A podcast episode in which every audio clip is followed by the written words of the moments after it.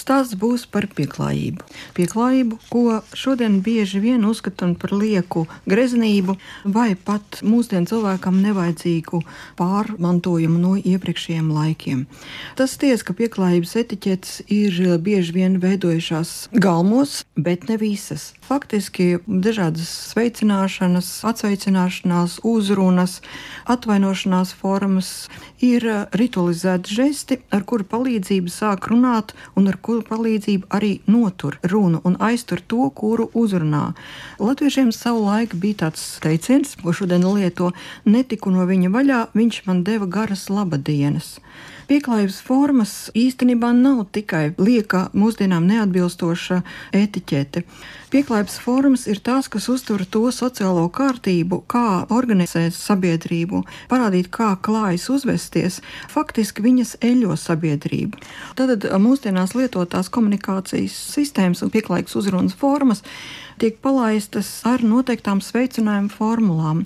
Un sveicināšanas formas nāk lielākoties no kara laikiem, lai parādītu, ka miera pasaulē man pretim stāvošam cilvēkam, galvenokārt vīrietim, nav ko baidīties.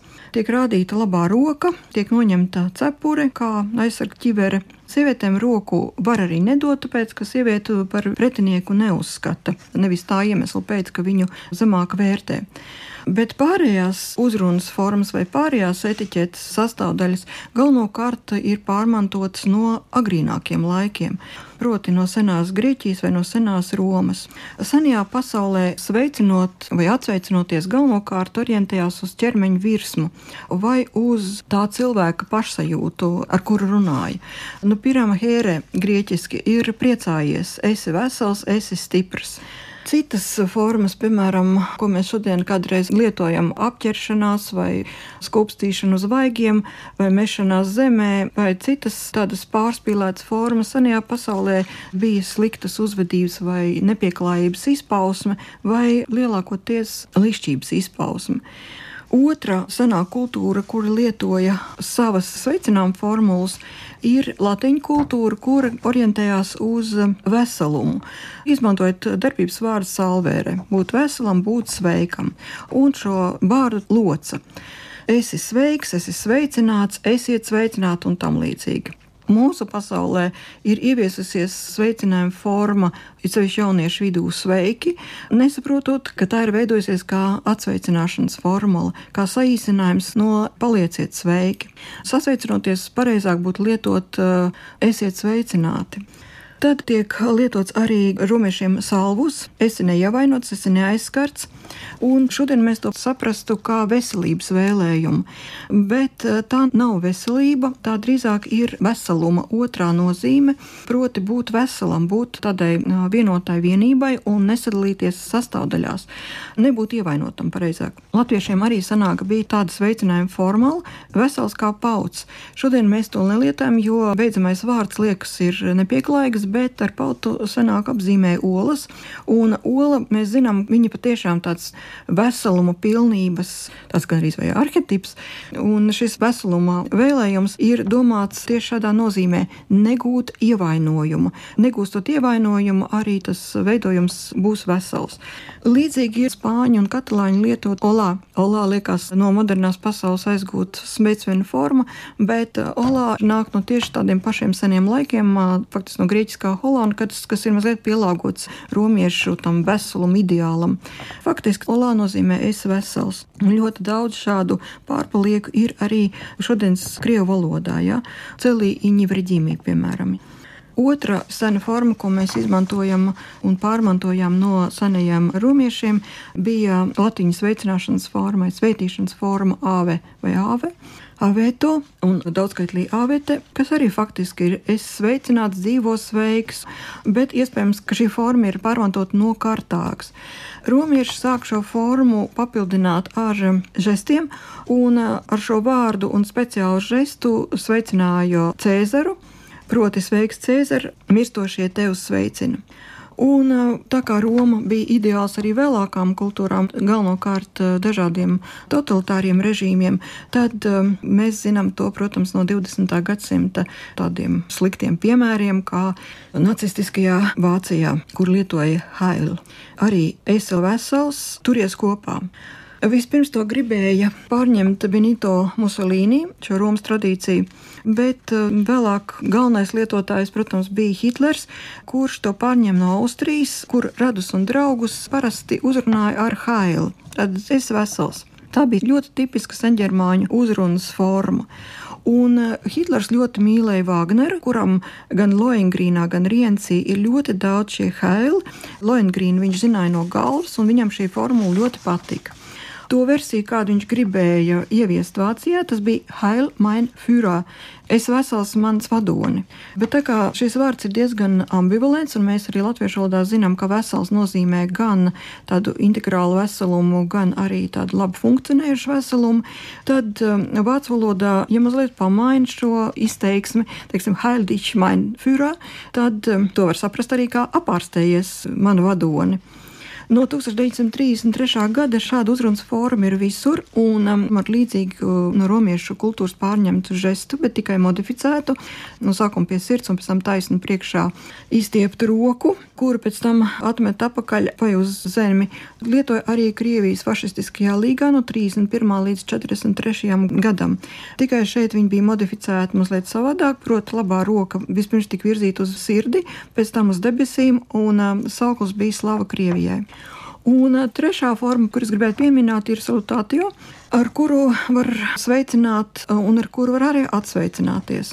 Un bieži šāds sveiciens bija formāls rīta sveiciens patronam, ar kuru sāka diena, un tā bija respektzīme, pie tam vienpusīga respektzīme, kuru lietoja klienti klienti romiešu pasaulē vai latīņu pasaulē nav tas pats, ko mēs lietojam šodien. Tie ir atkarīgie cilvēki, imigranti, brīvlaistie, pārvietotie, nepilntiesīgie un tādi ne nu īsti vergi, bet um, tomēr atkarīgie cilvēki un viņi vienpusīgi tātad, um, sveicināja savu patronu, kas par viņiem rūpējās, un arī no kur bija atkarīga viņa labklājība.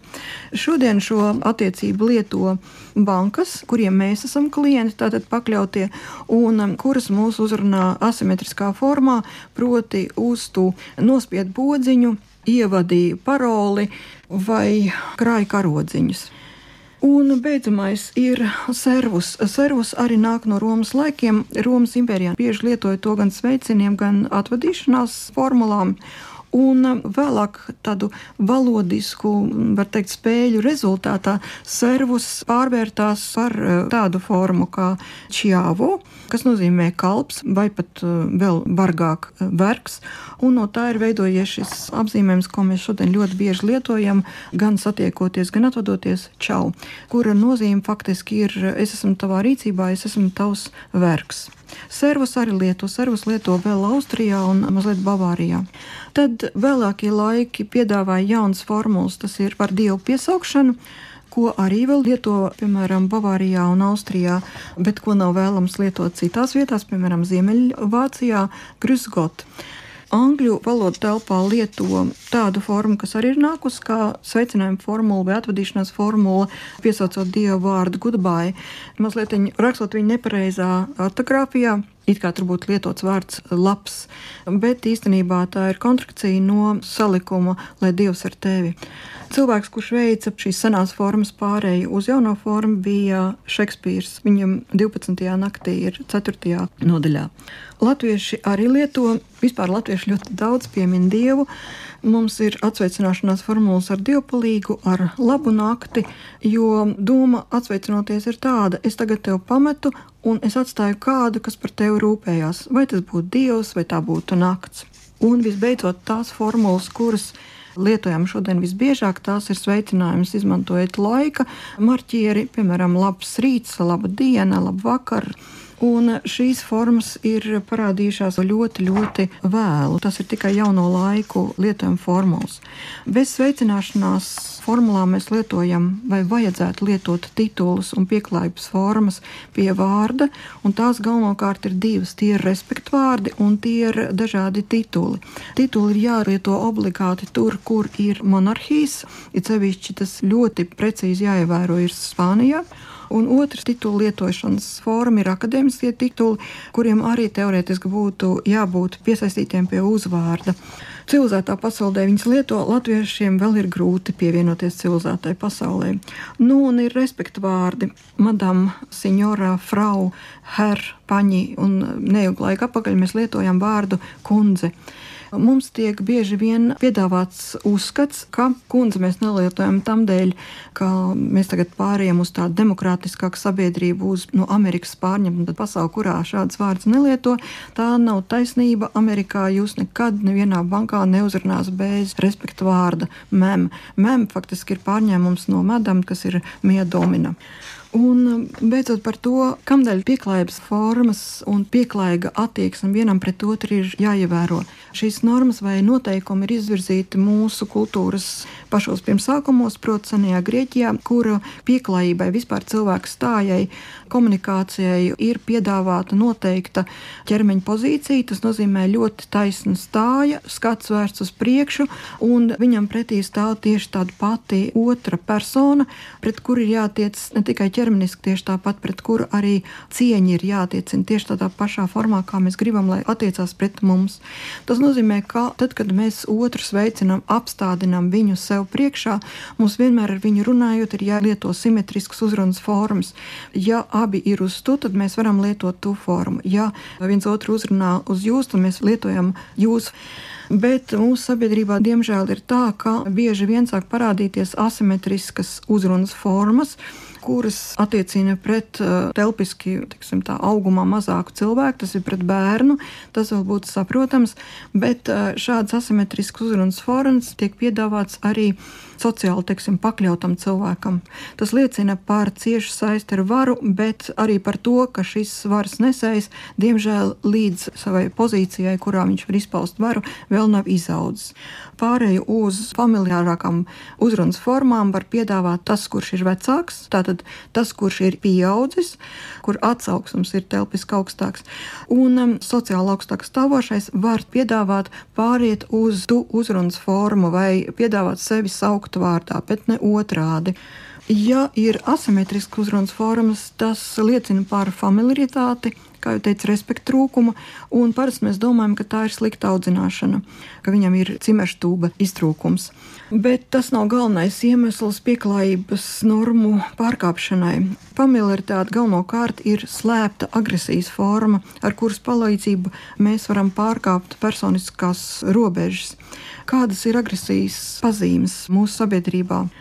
Vienu jau es minēju, tā ir pārēja uz asimetrisko uzrunas formu, tiksim, uzrunājot otru ar tu un nerēķinoties ar to, ka viņš būs spiests uzrunāt jūs uz jūs, tāpēc, ka varbūt jūs esat viņa priekšnieks, tāpēc, ka jūs esat varbūt mācību iestādē kāds pasniedzējs. Otrs veids ir tad, kad jūs otru cilvēku vai viņa darbu uzrunājat vai apzīmējat ar diminutīviem. Nu, redzi, kā tev malacītim, kā tev veicās. Vajag mazliet pacensties un redzi, viss jau iznāks. Vai ko tu ar savu darbiņu gribēji pateikt? Pret viņu tiek imitēts draudzīgums, bet tas cilvēks tiek pazemināts līdz bērnu līmenim, vai nu viņam piešķirot kalpotāju īpašības, vai garīgas atpalicības īpašības. Tas zemteksts ir tāds, dumiķīts, tu tāds, beidzot, ka pacenties, tad tev arī izdevās. Un ar um, šādu agresivitāti var mēģināt panākt arī kaut kādu labumu. Var, teiksim, pabīdīt otru kaut kur autobusā tālāk, var izspiest no viņa naudu un tam līdzīgi. Atgādināšu, ka senākos laikos, vēl 19. gadsimtā, šādas situācijas tika atrisinātas ar dueli. Šodien mēs varam atbildēt ārkārtīgi vienkārši, ko jūs atļaujaties.